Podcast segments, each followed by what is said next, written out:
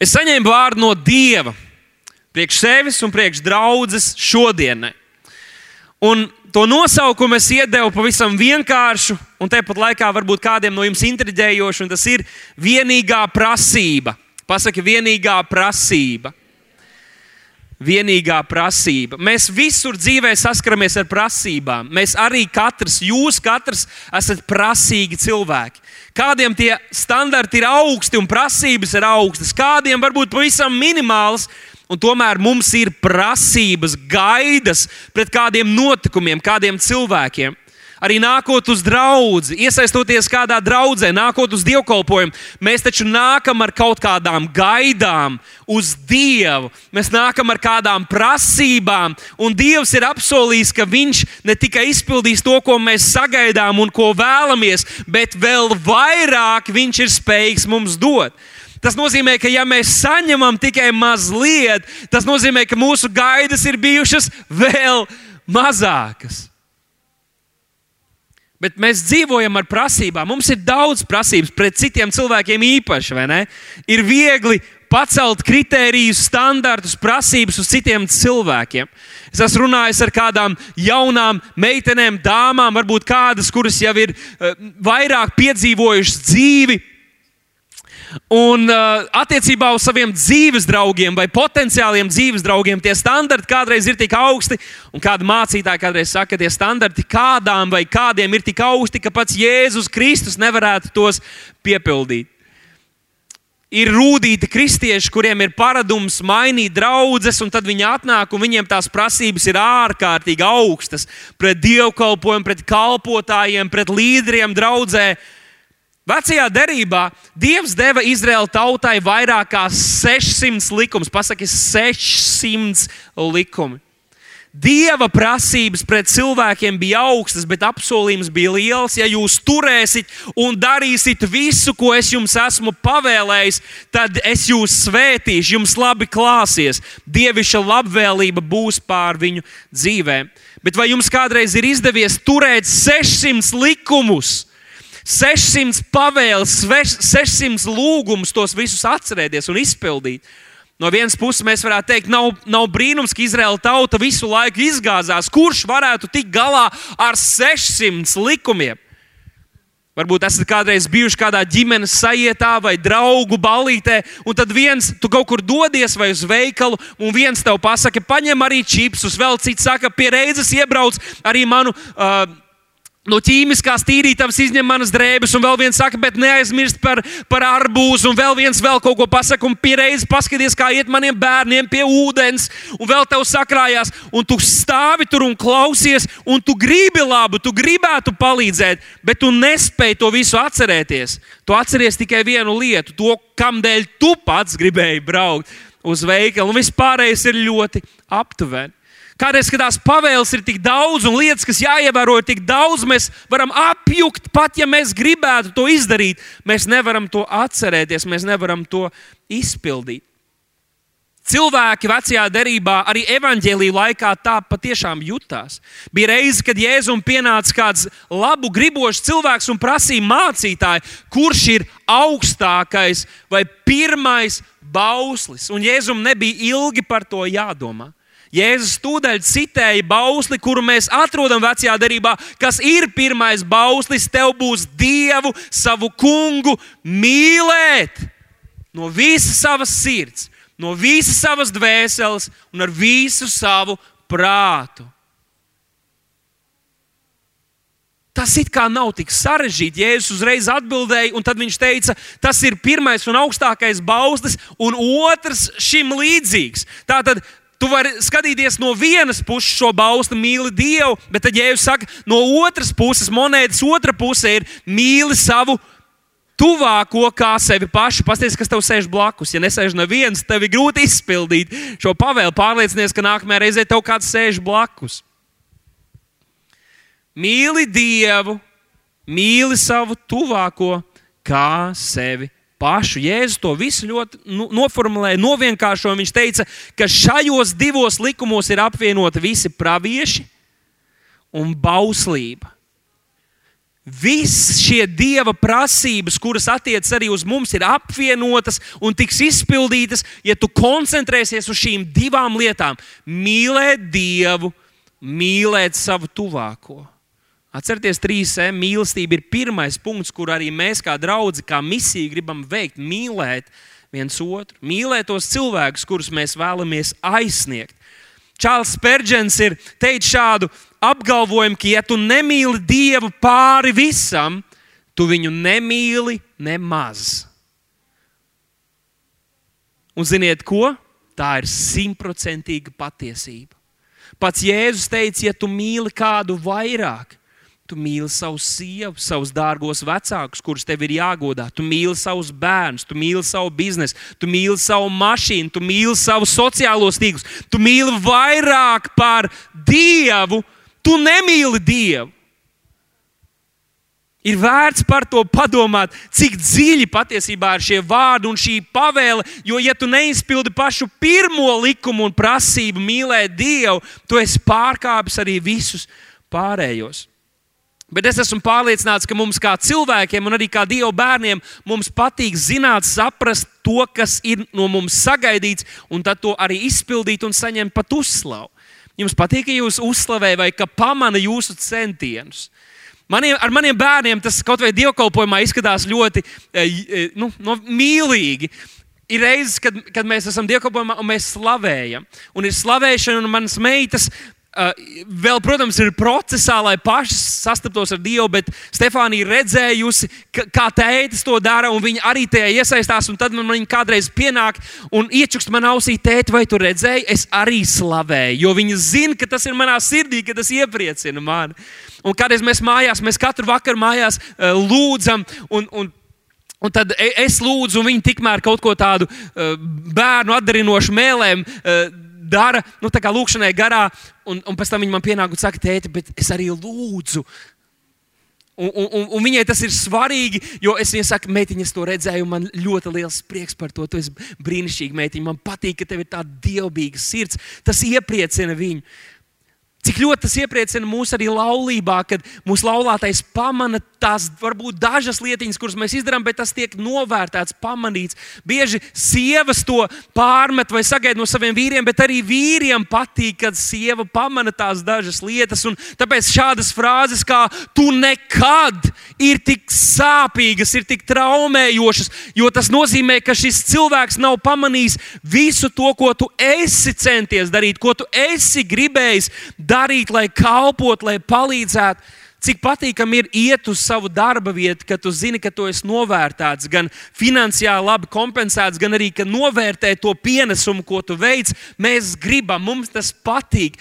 Un mēs, kā Dieva bērni, gribētu savas dzīves izskaņā sastopoties ar augšām celto Kristu, viņam sēžot, viņa goda krēslā, dzirdēt vārdus, par kuriem mēs arī diezgan bieži runājam. Un šie vārdi Jēzus tos mums atklāja līdzībā par kungu, kurš kalpiem izdalīja talantus. Un šis kungs šiem uzticamajiem, kuri bija strādājuši ar viņiem piešķirto mantu, to pavairojuši, šis kungs viņiem teica vārdus: Labi, tu godīgais un uzticīgais kalps. Lūk, tas ir tas, pēc kā mēs ilgojamies. To mēs gribam saņemt, piedzīvot, dzirdēt. Jā, alga tas arī ir labi, bet mēs gribētu, lai mūsu mīlošais tēvs mums pasaka, ka viņš ir apmierināts ar mums, ka mēs esam bijuši uzticami pie tā, ko viņš mums ir piešķīris. Jēzum Dievs to pateica pirms viņa kalpošanas sākuma, bet mēs tos vārdus gribam dzirdēt, kad mūsu kalpošanas laiks būs noslēdzies. Labi, tu godīgais un uzticīgais kalps. Un kungs teica, tu esi bijis uzticams pie mazuma.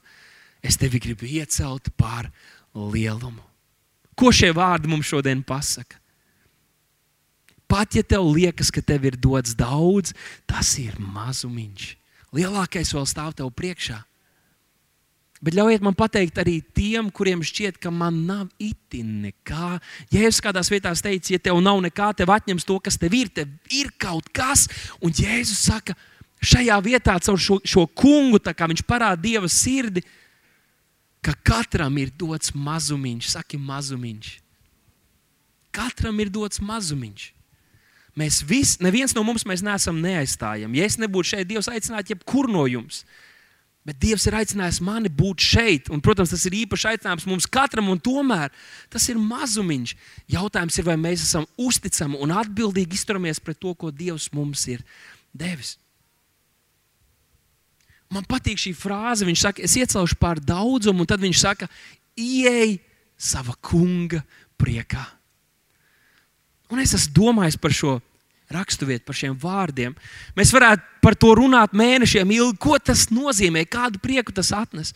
Mēs zinām, ka Dievu iepriecina, kad mēs viņu pagodinām, kad mēs dzīvojam patiesībā, kad mēs dzenamies pēc viņa valstības, kad mēs mīlam viens otru. Tas sagādā prieku, tas iepriecina viņu. Bet ko nozīmē ieiet viņa priekā? Prieka pilnībā, ieiet šajā prieka pilnībā, kā izturās ķēniņš, valnieks, kurš ir iepriecināts un grib iepriecināt kādu un īpaši viņam pateikties un viņu svētīt. Un domājot par šiem vārdiem, es nonācu Esteras grāmatā, kur mēs redzam šo notikumu, kur ir valnieks Ahasvers, un tad ir šī Estere, bet viņai ir patēvs Mordohais, kurš ir vīrs, kurš pats ir apdraudēts šo likumu dēļ, kas notiek. Un viņš rīkojas pareizi viņa tautas dēļ, viņš rīkojas pareizi valnieka dēļ, un viņš dara lietas, lai pasargātu savu tautu, riskēdams ar savu dzīvību. Viņš rīkojas pašaizliedzīgi, lai rūpētos un parūpētos arī par šo ķēniņu, kurš izdarīja arī sliktas, aplamas izvēles un lēmumus. Un tad tur ir šis vīrs vārdā Hamans, kurš bija mankārīgs, ļauns cilvēks Un šādi apmāti cilvēki viņi nesaprot reālo situāciju. Un tad, kad valnieks viņam prasa, un valnieks ir uzzinājis par šo ļaunumu, ko Hamans ir pastrādājis, valnieks viņam prasa, kā vajadzētu atalgot ķēniņam kādu, kam ķēniņš grib parādīt īpašu lielu pateicību. Tad Hamans viņam saka, oh, jā, vai, viņam vajag dot baltu zirgu, viņam vajag būt kā ķēniņam, un ka viņš jāiet pa pilsētu, tad visiem cilvēkiem ir jāsauc. Uh, Nu, tur tā frāze bija, tur slava tam, svētīts ir tas, kuram tas eh, ķēniņš ir parādījis lab, labvēlību. Principā viņš ir kā otrais pēc ķēniņa. Un ķēniņš saka, man patīk tāda doma. Un viņš bija bezdievīgs valnieks. Viņš saka, tādu es gribu, tā es gribu iepiecināt Mordohai. Man liekas, ka tajā mēs varam iestīties, ieiet tā kunga priekā. Tas nav fokus šajā svētdienā, tas nav fokus mūsu dzīvē, bet tas kaut ko nozīmē. Jēzus runāja, mēs pagājušā svētdienā runājām par algu, par lielu algu, par prieku, kurā ieiet. Ir vērts, mums, mums, par to ir vērts domāt un to neaizmirst, ka tās lietas arī mūs sagaida. Ir vērts pielikties. Bet pat ja tev šķiet, ka tev nav daudz, tev ir kaut kas, tev ir mazumiņš. Un apustulis Pēters 1. vēstulē, 4. nodaļā rakstīja šādus vārdus draudzēji: Kalpojiet cits citam ar, da, ar to dāvanu, ko esat saņēmuši, kā labi daudzveidīgas dieva žēlstības pārvaldnieki. Es gribu uzlikt uzsvaru. Viņš raksta draudzē, viņš raksta kristiešiem. Jā, šīs dāvanas, šīs žēlstības dāvanas, ko Dievs mums ir devis, tās mums palīdz arī laicīgajā dzīvē.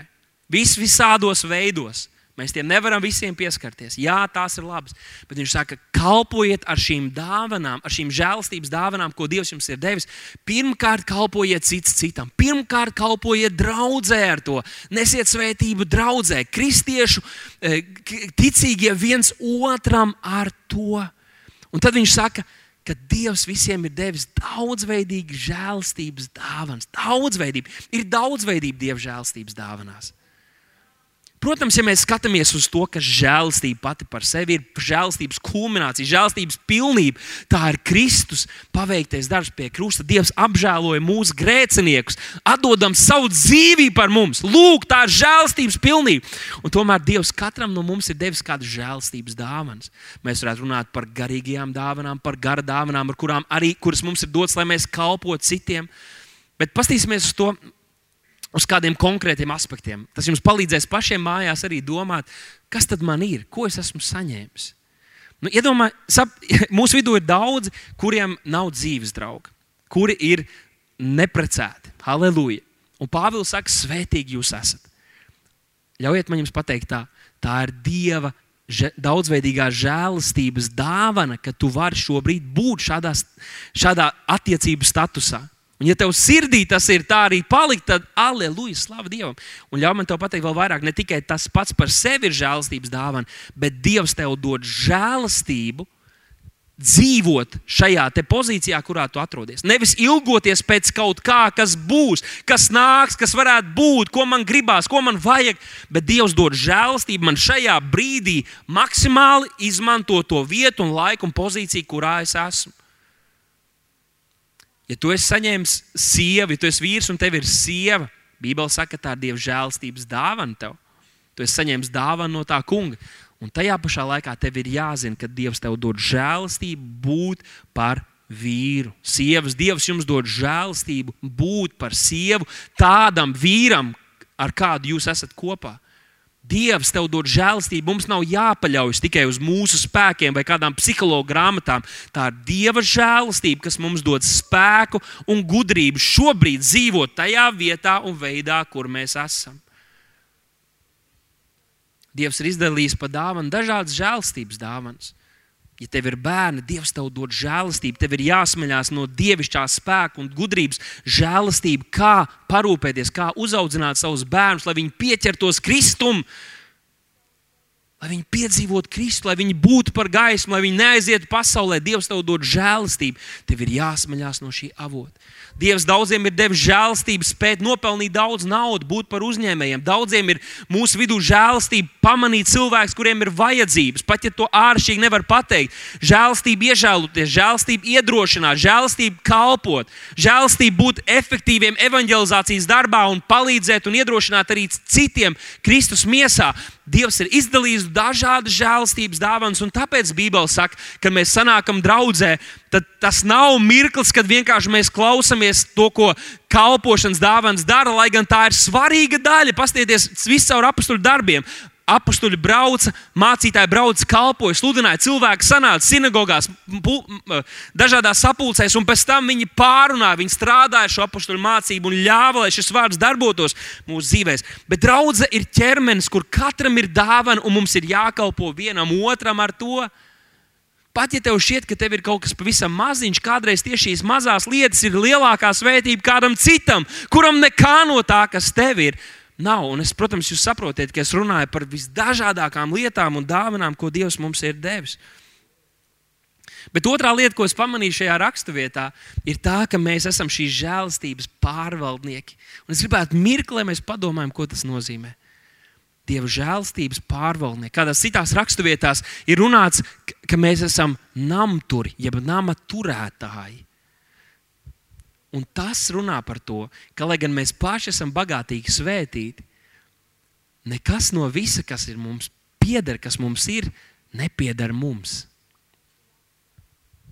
Nekas no visa tā, kas tev ir, nepieder tev. Tas ir Dieva. Tāpēc, kad mēs lūdzam šo lūgšanu, ja es, es, es atdodu tev savu dzīvi, esi tu mans kungs, tas burtiski tā arī piepildās kristiešu dzīvēm tajā brīdī, kad tu izvēlējies sekot Kristum, nekas, kas ir tavā dzīvē, gan runājot par resursiem, par finansēm, bet runājot arī par visām šīm dāvanām, mē, kuras es pieminēju, nekas no tā visa nav mans, un es to nevaru lietot tā, kā es pats vēlos, priekš sevis, priekš savu labumu. Tas būtu šī mankārība, tas būtu šis egoisms. Tas pieder Kristum. Un es, kamēr es dzīvoju šeit virs zemes, es esmu šīs dieva lietu, šo dieva dāvanu un žēlstības pārvaldnieks pārvaldnieks.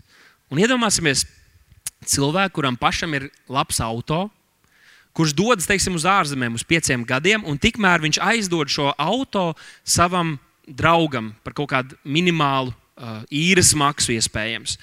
Un šos piecus gadus šis draugs var lietot sava drauga automašīnu. Un viņš ir taksists, viņš sāk pārvadāt cilvēkus, viņš pelna naudu, viņš dara lietas bet viņam nekad nevajadzētu aizmirst, ka šī automašīna nav viņa automašīna.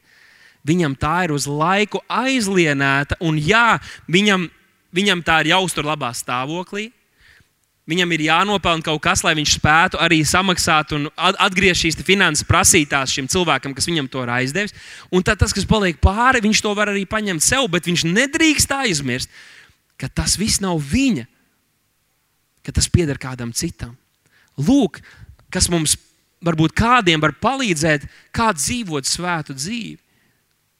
Kā dzīvot pašaizliedzīgu dzīvi, kā izvairīties no kaut kādiem klupieniem un kritieniem, ar kuriem mēs visu laiku saskaramies, kad tu saproti, ka tas laiks, tas ķermenis, daudz muļķīgas izvēles, kādas mēs izdarām, mēs izdarām, jo mēs domājam, ka mēs piedarām sev pašiem. Bet, kad tu saproti, ka tas ir Dieva, Kristus gars mājo mūsos, pats gars mājo mūsos, viss, kas mums ir, tas ir Dieva dots, tad mēs varam sākt gudri pārvaldīt šīs lietas. Un par to arī Jēzus uzteica savu šo kungu, uzteica šos kalpus, kuri bija ne tikai nosargājuši to, kas viņiem bija dots, bet to pavairojuši, to lietojuši, jo viņi pazina savu kungu. Pirmā korintiešiem, 4. nodaļa, 2. pants. Pāvils raksta šai draudzē, bet no namtura tiek prasīts vienīgi, lai viņš būtu uzticams. Un tāpēc šodien es gribētu novienkāršot un parādīt šo vienīgo prasību, kādu Jēzus mums parāda vairākās līdzībās. Un arī jaunajā darbā tas atkal un atkal tiek uh, um, pieprasīts, un tā ir uzticamība. uzticamība. Viņš saka, bet no namtura tiek prasīts vienīgi, ka viņš būtu uzticams. Un tā ir šī vienīgā prasība, par kuru es šodien gribu runāt. Un es gribētu, lai mēs kopīgi šodien saprastu, un Svētais Gars mums to atvērtu, ko tad īsti nozīmē mīlēt Dievu, būt uzticamam. Šis vārds, uh, uzticams, ir šis grieķu valodas vārds pistus, kas nozīmē tāds, kuram var uzticēties, jebkurš izpilda pavēles. Un to mēs saprotam. Kāpēc ir svarīgi par to runāt? Jēzus par to runāja jau 2000 gadus atpakaļ. Daudzās līdzībās, daudzās vietās Bībele par to runā. Kāpēc ir svarīgi šodien par to runāt? Es nevaru jums pateikt statistikas, bet tas ir mans personīgais novērojums, ka uzticamība ir vērtība, kas visstraujāk zaudē savu pozīciju sabiedrībā.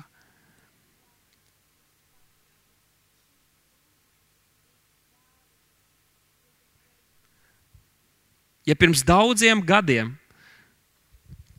kad cilvēks kaut ko pateica, tu varēji būt drošs, ka tas notiks, ka tas tiks izdarīts. Šodien tādas drošības vairs nav. Tāpēc mums ir līgumi. Visbeidzot, mums tāpēc ir pat sarunājoties ar draugiem, ne tikai jāpasaka, es būšu, bet bieži mēs sakām, es apsolu. tas nozīmē gan izdarīt zvēru, ko Bībele saka, jūs nezvērat pie nekā, jo tas nekas jums nepieder. Bet bieži mums ir jāapsola, jo tas, ka vienkārši mēs pasakām, tas neko daudz, daudziem cilvēkiem nenozīmē. Kāpēc mēs esam nonākuši tādā vietā? Jo mēs kā sabiedrība, cilvēki, esam vīlušies daudzās lietās, kur ir bijusi kaut kāda uzticība, un tad tu uzzini, ka tie ir patiesībā meli. Tad ir jautājums, kā tu vari uzticēties kādam citam, kā tu vari ticēt kādam. Paskatieties, kas notiek mūsu sabiedrībā. Ja pirms daudziem gadiem es runāju par, par savu bērnību, tas ir nu, 20 gadu atpakaļ. Sabiedrībā neviens negavilēja par to, ja vīrs atstāja savu sievu, atstāja savus bērnus. Tas bija sašutums, bija, tas, tas bija kaut kas, ko mēs nesamierināsimies. Tas, tur neesi nekāds varonis. Mēs negribam tad vairs dzirdēt par tevi. Tas ir kauna lieta, ko tu esi izdarījis. Tur mūsdienās mēs redzam, ka daudzos, daudzās cilvēku grupās, arī Latvijā, tas jau tiek svinēts. Tu esi brīvs cilvēks, arī vīrietis. Tā ir tava dzīve, vīrišķība tagad ir dzīvot priekš sevis, nevis darīt to, kas ir nepieciešams, aizliegt sev, būt pašaizliedzīgam, gādāt par Tāpēc tik daudz arī satraucās, ja gadījumā sāktos karš vai, vai vīrieši ietu karot. Kāpēc lai viņi ietu, ja mēs esam pieradināti dzīvot tikai priekš sevis? Kāpēc lai es atdotu, riskētu ar savu dzīvību, ar savu ģimeni, savas tautas dēļ? Un, protams, tā nav problēma tikai Latvijā. Tas ir fenomens visā, visā pasaulē. Un interesanti, kā tas sajiet kopā ar šiem Bībeles tekstu, kur Visa sabiedrība mērķiecīgi šī vērtība tiek degradēta un mazināta. Tas ir kaut kas slikts, ja tu paliec uzticams, ja pat ir grūti, jūs nesaprotaties. Ej, atrod savu jaunu sievu. Politiķi saka, kā var nesolīt. Mēs zinām, mēs lasām tās programmas, mēs zinām, gandrīz nekas no tā, ko viņi tur sarakstījuši, viņi pat negrasās par to cīnīties. Mēs jau esam samierinājuši, tas ir normāli jau sabiedrībā. Mēs klausāmies uz mēdījiem, kas agrāk bija tie, kas ziņoja mums par lietām, par kurām mēs nezinājām. Tagad mēs saprotam, ka ļoti daudz kas, kas medijos tiek uz mums runāts, ka tas patiesībā ir sagrozīti meli, puspatiesības, Mēs nevaram uzticēties. Viņi nav uzticami. Mans kaimiņš nav uzticams. Vai šīs pašas problēmas iezogas arī draudzē? Sabiedrībā mēs nevaram nevienam uzticēties, bet vai draudzē mēs esam spējīgi uzticēties viens otram, uzticēties Dieva vārdam, uzticēties Dievam, kad nevienam uzticēties nevar, kad tomēr viņam mēs uzticamies, vai mēs tāpat dzīvojam arī šeit, draudzē. Dzīvojam kā kristieši. Jā, es zinu, ka Bībelē tā rakstīts, bet es nezinu, vai tam dievam kaut kas nav padomā. Tas bija oriģinālais grēks. Viņi neusticējās dievam. Ģimenē mēs redzam to pašu. Arī kalpošanā mēs to redzam, kad jaunās paudzes cilvēki, iespējams, ka vecāki vienkārši arī nav audzinājuši viņus tā, ka jābūt atbildīgiem. Bieži ir tā, un jūs zinat arī daudz, kas esat gribējuši būt kalpošanā, kad jūs sarunājat, jūs būsiet, bet tad kaut kas tur bija šī kas, un tu nēsi pazvan tajā pat rītā. Un šī uzticēšanās, prasme uzticēties un iespēja uzticēties viens otram, tā ir problēma arī draudzē, un tā tam nevajadzētu būt.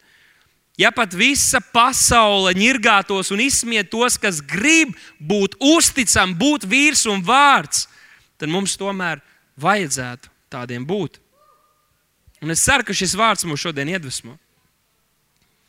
Un lai mēs mācītos par to, kā tad Jēzus izprot šī vārda nozīmi, būt uzticamam, mīlēt Dievu, ko tas īsti praktiski nozīmē.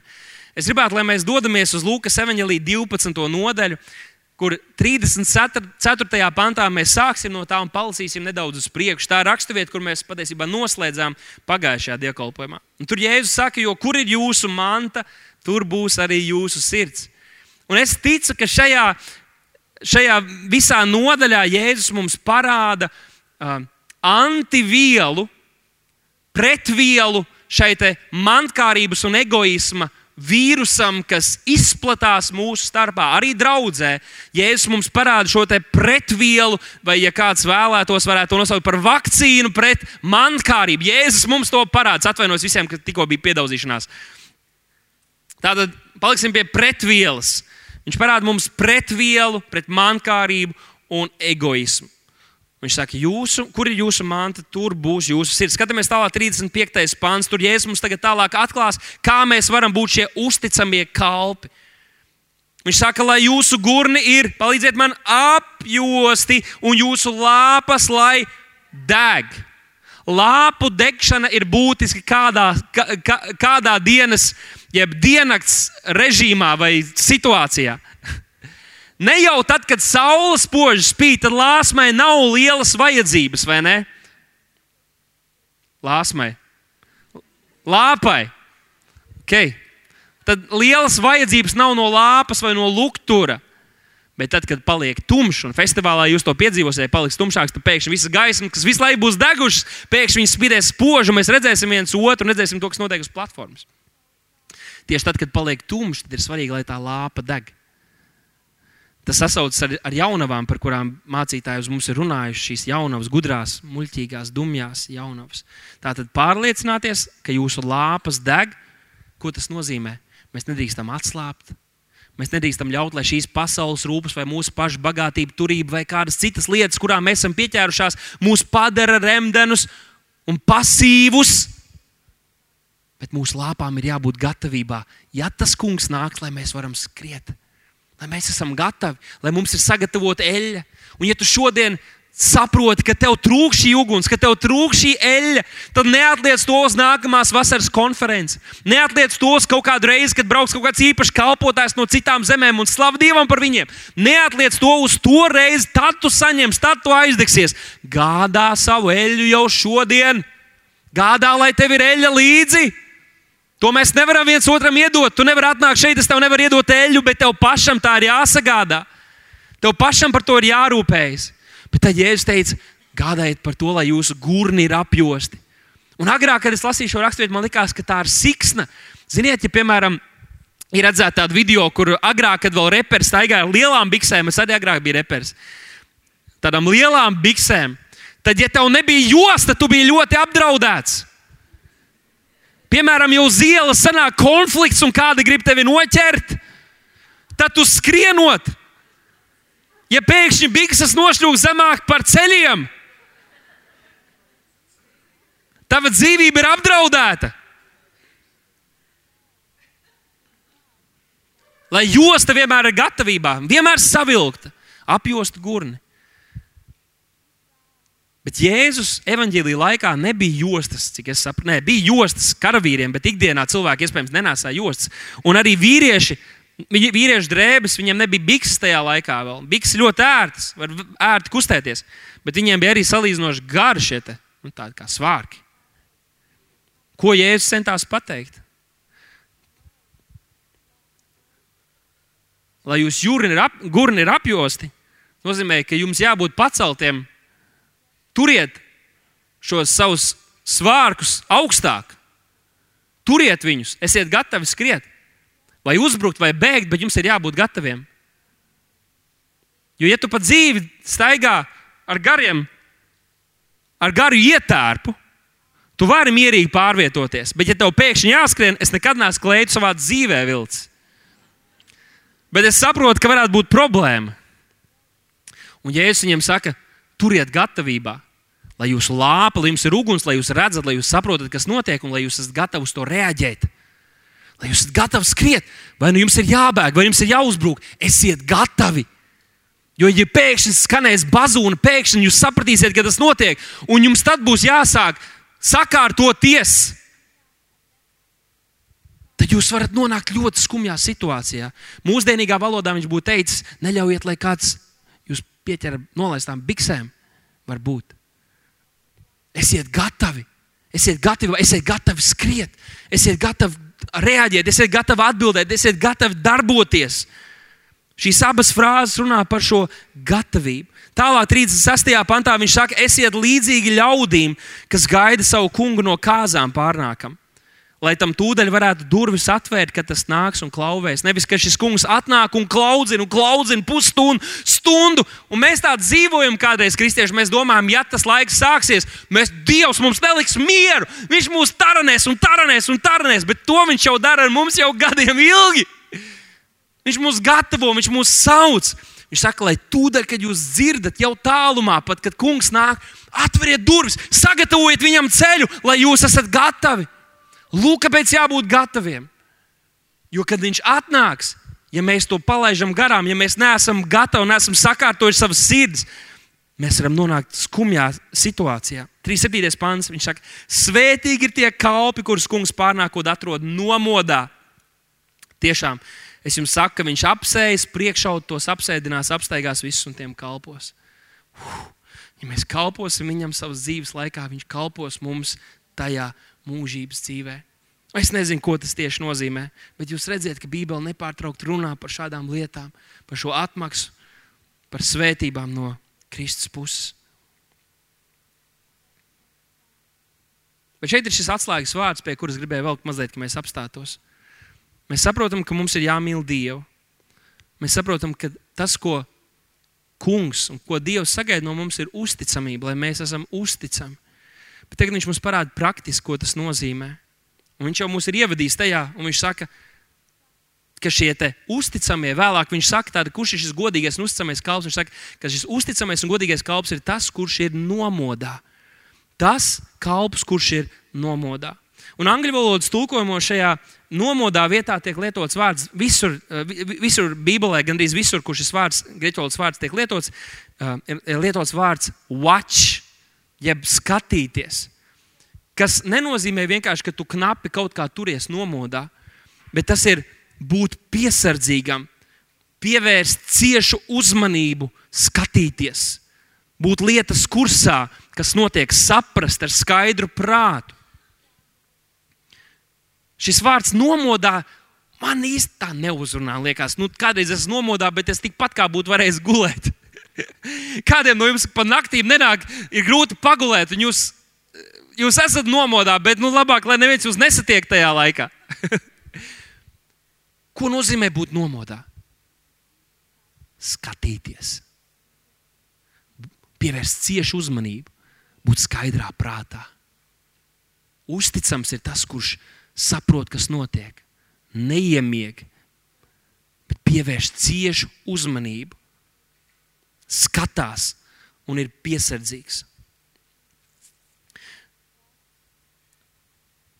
Mūsu ģimenē, kurā es uzaugu kā bērns, un arī tagad, protams, manā ģimenē, kad ir kaut kādi tālāki braucieni, kādreiz nākas braukt vēlu vakarā vai pat cauri naktīm, tad es nezinu, vai visas ģimenes tā dara, bet mūsu ģimenē bija tā, ka tas, kurš ir šofērs, piemēram, kurš pa nakti brauc, vienkārši lai būtu drošāk visiem, lai viņš neapdraudētu sevi un neapdraudētu arī pārējos, kuri ir ar viņu automašīnā.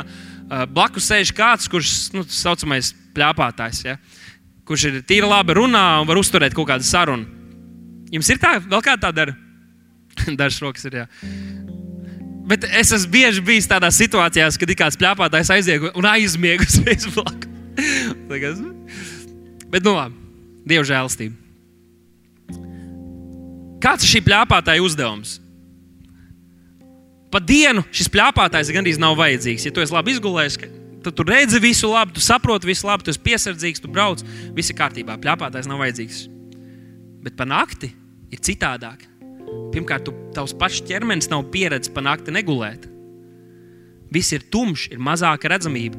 Tev ir jābūt patiesībā vēl modrākam, tumšajā laikā nekā dienas laikā. Un no šī plāpātāja tiek sagaidīts, ka viņš uzturēs tavu prāta modrību paprasīs, hei, tev acis slīp ciet, varbūt vajag apstāties, varbūt jāsamainās. Uzdos kaut kādus jautājumus un palīdzēs, lai tavs prāts turpina darbināties, darboties, lai tu neapdraud sevi un neapdraud citus. Un ziniet, ko es ieraudzīju? Ka tas ir tas, kāpēc Kristus mūs ir salīdzis draudzē, kāpēc ir svarīgi mums būt dievkalpam, mums ir būt arī mazajās grupās, dalīties attiecībās. Klausies, tāpēc, ka notiek avārijas bieži, kad šofērs ir pie stūres, bet viņš iemieg burtiski uz desmit sekundēm. Tā ir avārija. Viņš ir nogurs.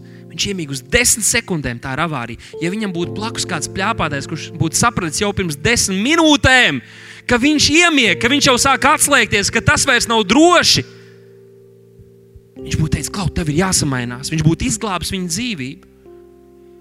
Kamēr ir diena, mēs visi jūtamies, ka mums viss ir kārtībā. Tāpēc Bībele saka, lai tas, kurš stāv, kuram šķiet, ka viņš stāv, lai uzmanās, ka viņš nepakrīt, kā tad uzmanās. Kad tu esi pats pievilcis, tu nezini, ka tu esi pievilcis. Mēs esam vajadzīgi viens otram. Varbūt ir kāds, kurš tev visu laiku prasa, nu, kā tev ir personīgās attiecībās ar Dievu, ko tu šodien saņēmi no Dieva. Un tev kaitina viņš, jo tu neko nesi saņēmis jau mēnesi no Dieva. Klausies, viņš ir Dieva dāvana tavā dzīvēm. Viņš ir Dieva dāvana tavā dzīvē. Viņš, Dievs tev viņš, viņu ir devis, lai tu būtu nomodā, lai tu paliktu nomodā. Pāvils 1. Thessaloniķiešiem 5. nodaļā viņš būtībā runā līdzīgi kontekstu ar to, ko mēs lasījām no Jēzus vārdiem. Tad Pāvils saka, tāpēc negulēsim kā pārējie, bet būsim nomodā, jeb skatīsimies, modri skatīsimies un paliksim skaidrā prātā, kas guļ, tas guļ naktī, un kas piedzers, tas piedzers naktī. Viņš saka, ka tas tumšais laiks, kurā mēs atrodamies, un cilvēki, kas dzīvo maldos, arī garīgos maldos, Viņu, viņu dzīvēs notiek šīs visādas lietas, viņi ir aizrauti ar rūpēm. Viņš saka, tā tam nebūs būt pie mums. Mums ir jābūt tādiem, kas skatās, kas redz un paliek skaidrā prātā. 8. pantā viņš turpina, bet mēs, kas piedaram dienai, saka, piedaram dienai. Būsim skaidrā prātā. Sakies, būšu skaidrā prātā. Un tagad viņš saka, pamudinājumu. Tāpēc tērpsimies ticības un mīlestības bruņās un uzliksim pestīšanas cerības bruņu cepuri. Huh. Šeit jau ir runa par mūsu sirdi, vai ne? Esi nomodā, saproti, kas notiek. Arī garīgos pasākumos tev ir jāspēj izšķirt, kas te notiek. Es jau teicu, pagājušajā svētdienā Jēzus pat brīdināja, ka būs arī garīgi, šķietam, kalpotāji cilvēki, kas mankārīgos nolūkos darīs lietas. Bet darīs lietas, visā, visādas lietas, gan draudzē ārpus tās mums ir jāspēj saprast, kas notiek. Bet viņš saka, tas nav vienkārši par kaut kādām lietām sabiedrībā, bet galvenokārt mums ir jābūt apbruņotiem. Saki, apbruņotiem. Mums ir jābūt apbruņotiem ar šo ticību un mīlestību bruņās. Viņš saka, šo cerību. Uh, pestīšanas cerības bruņu cepuri. Tāda dieva mīlestība uz mums un Kristus paveiktais darbs, Kristus uzvara pār nāvi ir jābūt tam, kur mēs sevi paglabājam, kur mēs sevi sargājam šajās dienās. Lūkas 21. nodaļa, 34. pāns, Jēzus teica, bet sargājieties, ka jūsu sirds netop apgrūtināts no vīna skarbuma, un reibuma un laicīgām rūpēm, ka šī diena jums piepieši neuzbrūk.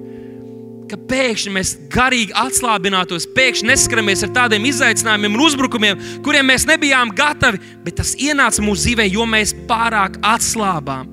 36. pāns, tāpēc pielieciet nomodā, palieciet nomodā visu laiku, Dievu lūgdami, lai jūs spētu izglābties no visām šīm briesmām. Jēzus arī saviem mācekļiem teica, palieciet nomodā, lūdziet Dievu, ka jūs neiekrītat kārdināšanā. Palikt nomodā, būt garīgiem cilvēkiem, staigāt garā, pasargāt sevi Kristu Jēzu, palikt viņa mīlestībā un viņa mīlestību attēlot arī citiem. Būt lūgšanā, Tēvs, kas man ir jādara? Kas man ir jādara? Tās, kā man šo saprast? Vai man vispār vajag iesaistīties tajā sarunā? Par kaut ko sāk sarunu tēvs, vai man šeit ir jābūt šajā brīdī? Kā es varu kalpot, kā es varu nest svētību? Kā es varu uzrunāt šos kaimiņus, šos cilvēkus man līdzās? Tēvs, skatīties, mēģināt būt klātesošiem visā tajā, kas notiek. Un, ziniet, tāds iedrošinājums, ko mēs mūsu draudzē, tas nav nekas jauns. Ka uzticēties nozīmē ticēt. Uzticēties nozīmē ticēt. Tātad Dievs no mums sagaida, ka mēs uzticēsimies Viņam, ka mēs ticēsim Viņam un ka Viņš arī mums var uzticēties. Šo pašu vārdu, ko Bībele mums lieto, uh, uzticams, šis pats vārds vietām tiek tulkots arī kā ticīgais. Piemēram, neesi ticīgs, bet esi ticīgs. Tātad nosargāt savu ticību uz Kristu, pasargāt savu ticību uz Kristu. Tur runāts par ticīgo Ābrahāmu un tādām lietām, bet es jums gribu vienkārši iedrošināt, parādīt, cik tas ir vienkārši, ko Dievs sagaida no mums, lai mēs esam uzticami un mēs ticam, uzticamies Viņam. Un tad šī uzticēšana, tad arī mēs būsim tādi, kuriem var uzticēties.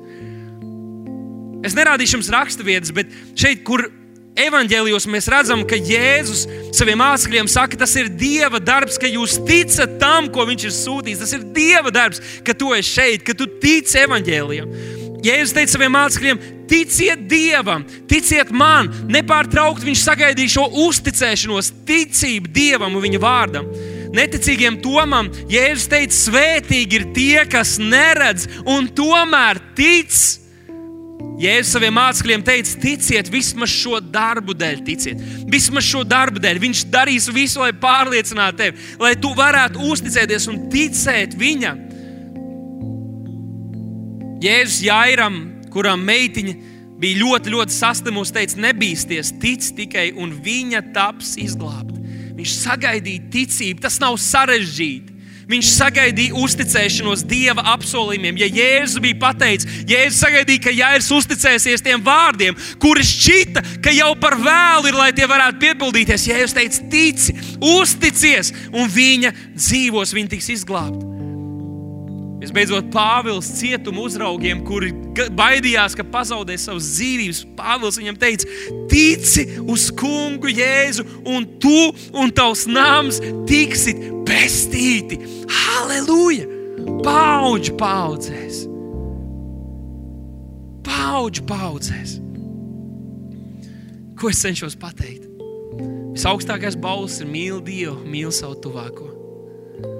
Kā mēs to varam izdarīt? Ja mēs esam uzticami kalpi, ja mēs esam uzticami un godīgi kalpi, bet kā izpaužās būt uzticamam, būt nomodā, būt nomodā, lai pildītu savu kunga gribu, lai saprastu, kas notiek.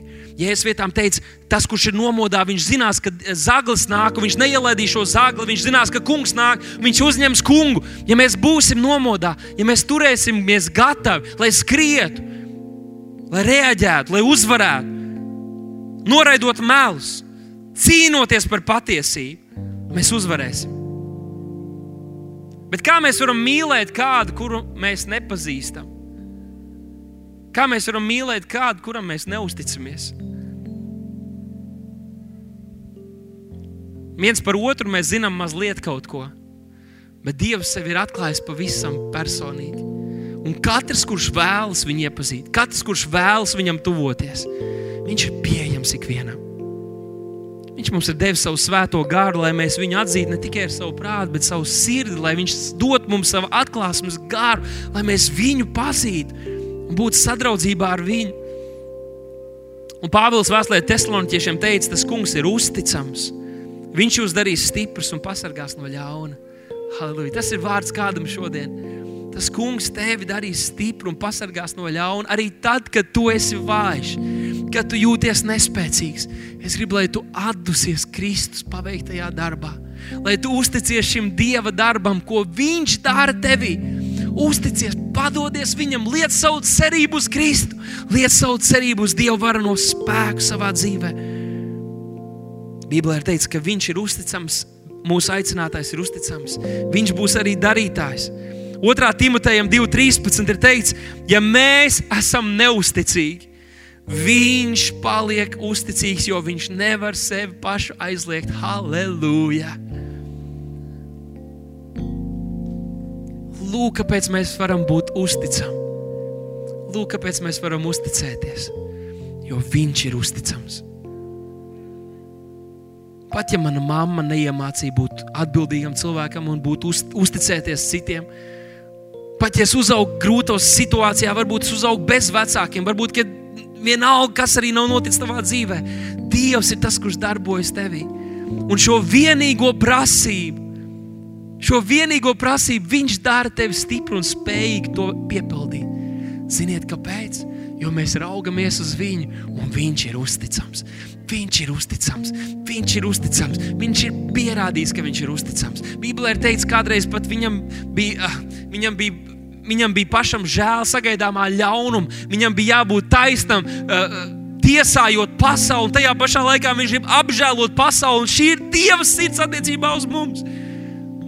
Halleluja! Viņš ir uzticams. Viņš ir uzticams, tāpēc arī es varu būt uzticams. Mums ir jāmācās tādiem būt. Mums ir jāmācās tādiem būt. Uzticams pie mazuma, uzticams pār lielumu. Neobligāti tas, ka tev ir lielums, nozīmē, ka tu esi bijis uzticams, bet tev ir jāmācās šajā brīdī, lai Dievs var vest tevi, var vadīt tavu dzīvi. Halleluja! Lai tajā dienā, kad mēs stāvēsim viņa troņa priekšā, patiesi mēs varam dzirdēt vārdus, ka esam turējuši šo svarīgāko pavēlu un aicinājumu būt godīgiem un uzticamiem kalpiem, kas mīl savu Dievu, mīl savu tuvāko kā sevi pašu. Kas mēs neesam dzīvojuši priekš sevis, esam dzīvojuši nomodā, esot, turot savas acis atvērtas, saprotot, kas notiek, dzīvojot svētāk ar vadītas dzīves.